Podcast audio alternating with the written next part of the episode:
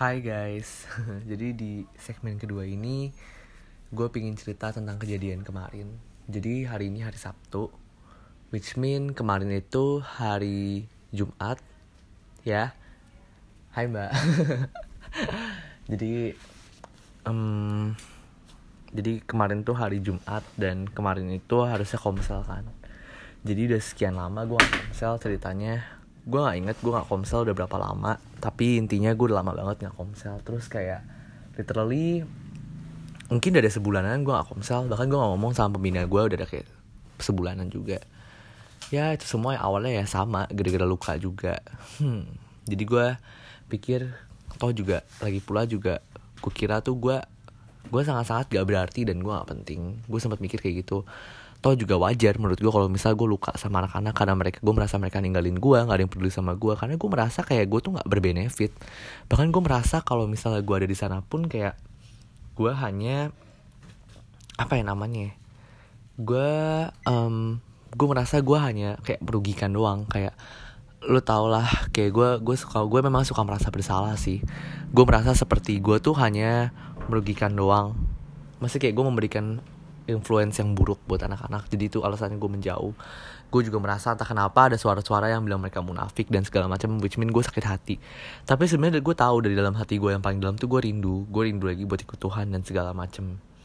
That's why gue banyak hal yang gue lakukan sebenarnya sebelum gue pergi tanpa orang-orang tahu.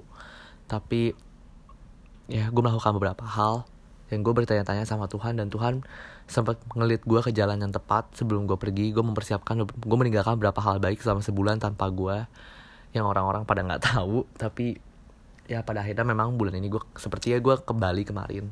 Gue mau ceritain gimana awalnya gue bisa kembali jadi karena gue penuh luka dan gue hampir gue sampai paranoid. Gue paranoid takut ketemu sama pembina gue atau ketemu sama siapa. Gue separah itu kehidupan gue berjalan seperti biasa. Tampaknya orang-orang melihat gue seperti bahagia. Namun sebagian orang juga ada yang tahu gue depresi dari di dalam dan ya.